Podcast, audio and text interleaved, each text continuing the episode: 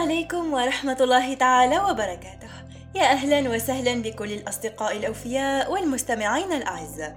أرجو أن يكون الجميع بألف خير إن شاء الله. معكم آية نجاح طبة في بودكاست نجاح بالتعاون مع منصة بودلاينز. أين سنترافق وإياكم؟ خطوة بخطوة حلقة بحلقة على درب النجاح.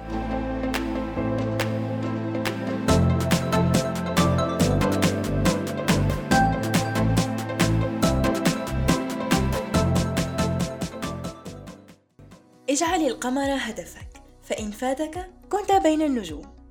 هذا ما يقوله نورمان فينسنت بيل الكاتب الأمريكي المشهور بكتابه قوة التفكير الإيجابي.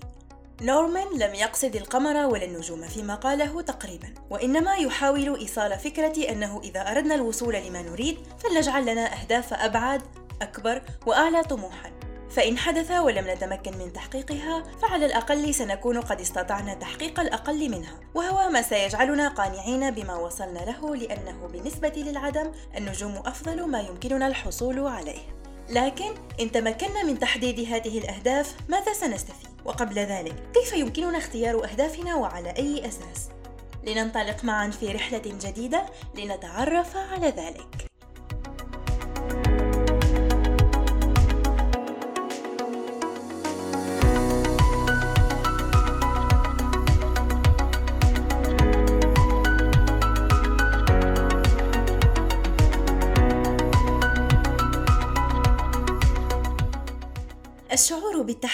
بالتحفيز الاندفاع القوي والبداية الصارمة لكل ما نريد تحقيقه. ليس هذا تأثير مشروب طاقة أو تأثير الكافيين علينا وإنما نتيجة تحديد الهدف بدقة ودافع مهم. فليس التلميذ الذي يدرس من أجل النجاح فقط كمن يدرس من أجل تحقيق مراتب أولى تزيد من حظوظه في أن يكون مقبولا في منحة في إحدى الجامعات العالمية المرموقة لإنهاء دراساته العليا. التحفيز كذلك لن يتم فقط بأن يكون لنا دافعا قويا لبداية تحقيق الأهداف، بل عند الشعور بالرضا عند رؤيتنا لبداية تحقيق ما نصب إليه. لذلك فوضع الهدف الأعلى ثم تحديد جملة أهداف صغيرة نبدأ بها من أهم الخطوات. إذا كنت سأقطع مسافة عشرة كيلومترات على الأقل، لن أنظر لها كعشرة كيلومترات، بل ككيلومترين لخمسة مرات متتالية. ربما تتخللها وقفات مؤقتة للراحة، ثم نستأنف المشي من جديد. سنبدأ في المشي وعند تجاوز أول كيلومترين في زمن قصير وبجهد قليل.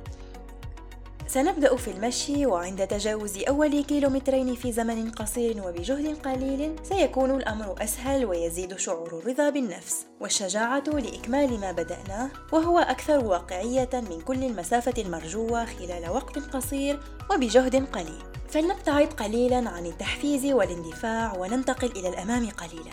كلما حددنا أهدافا صغيرة ضمن أهدافنا الكبيرة وتمكنا من تحقيق أولها سيسمى ذلك إنجازا وتطورا جيدا وملحوظا في درب الوصول لما نصبو إليه. وبذلك تزداد ثقة كل منا في نفسه خاصة عندما يلوح لنا بصيص نور النصر من بعيد. ونكون نقترب يوما بعد يوم من أهدافنا وستزداد بعدها قوتنا على مواجهة العقبات التي تتخلل طريقنا تقول جاكلين كينيدي الثروة الوحيدة التي تستحق أن تجدها هي أن يكون لك هدف في الحياة، لأن تحديد الهدف من أهم ما تبنى عليه حياتنا ونجاحاتنا، وبدونها نسير في متاهة لا نعلم لها دليلا ولا مخرجا.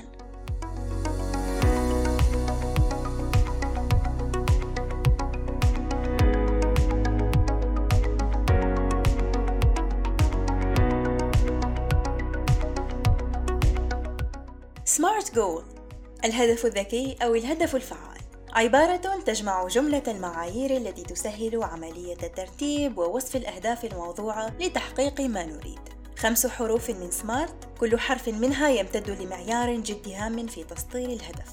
فلنبدأ معا بأول حرف S. specific أي محدد وهنا نقصد أن الهدف لابد أن يكون قابلا للحصر والتحديد بهدف تكوين تصورات واضحة تحيط بالهدف لكن هذا لن يتم إلا بالإجابة عن جملة من الأسئلة. مثل ما هو الهدف المرغوب تحقيقه؟ أي ما هو الهدف الرئيسي الذي نحضر خطة الوصول إليه؟ ما هي دوافع الرغبة لتحقيقه؟ إذا كانت رغبة دائمة أم رغبة مؤقتة أو إعجابا بالهدف أو ربما كنا معجبين بشخص ما حقق نفس الهدف دون أن ندرك أن لكل منا ظروفه ومعاييره الخاصة لتحقيق ما يريد ما هي آلية تحقيقه؟ ومن سيقدم المساعدة لتحقيق هذا الهدف؟ أهم العائلة، الأصدقاء أو رفقاء العمل وزملائه؟ ثم أين سيتحقق هذا الهدف؟ لننتقل معا إلى الحرف الثاني M measurable وأن يكون الهدف سواء كبيرا صغيرا يتطلب جهدا ووقتا أو لا يتطلب أي من ذلك.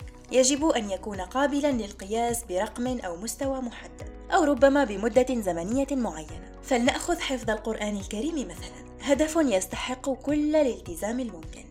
وهدف محدد ويمكننا قياسه بتحديد ما نحفظه وقياس تقدمنا فيه. بعدد الأحزاب أو الأجزاء خلال مدة زمنية نقترحها حسب ما يلائمنا وبذلك نراقب مدى تطورنا في تحقيقه. A. Attainable.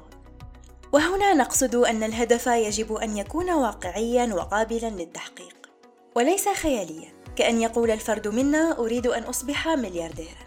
وهو لا يملك حتى 100 دولار.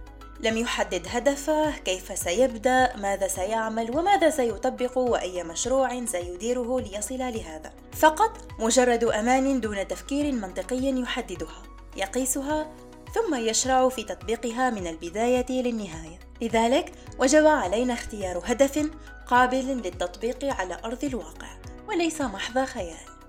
R من أجل relevant وهي الأهمية. هدف دون ضرورة أو أهمية يستنزف جهدنا طاقتنا ووقتنا دون فائدة. إضافة لكل التكاليف التي من الممكن أن تذهب في مهب الريح سدى دون تحقيق أي شيء يذكر. لذلك إن لم يكن الهدف ذا أهمية فالأفضل أن لا ننطلق فيه أبدا. والآن لننطلق إلى آخر حرف من كلمة سمارت T. من timely. أي أن هذا الهدف قابل أن ينجز في إطار زمني محدد كاف لإتمام وإنجاز المتطلبات اللازمة.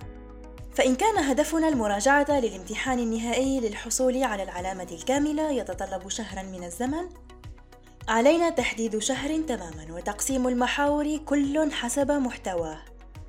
على فترة تناسبه وهكذا نكون حققنا خامس شرط في تحقيق الأهداف. العديد من الطرق والاستراتيجيات يمكننا اتباعها للوصول إلى أهدافنا المرجوة لكن التخطيط المحكم واتباع مخطط سمارت جول وتوظيف المهارات اللازمة في التخطيط والإدارة قبل البدء تبقى أنجع وسيلة في تحقيق الأهداف المرجوة في وقت أقل وبجهد أقل مع فرص نجاح أكثر.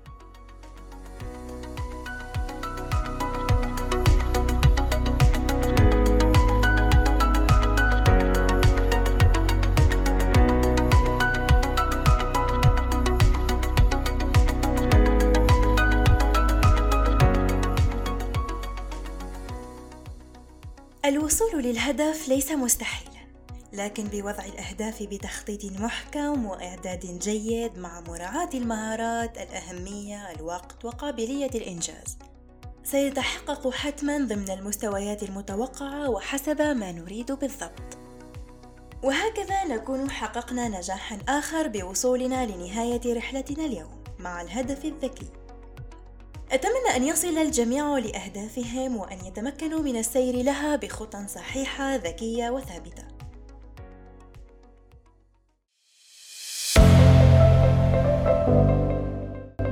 شكرا لإنصاتكم ومرافقتكم لنا للوصول لهذه المحطة اليوم من درب النجاح.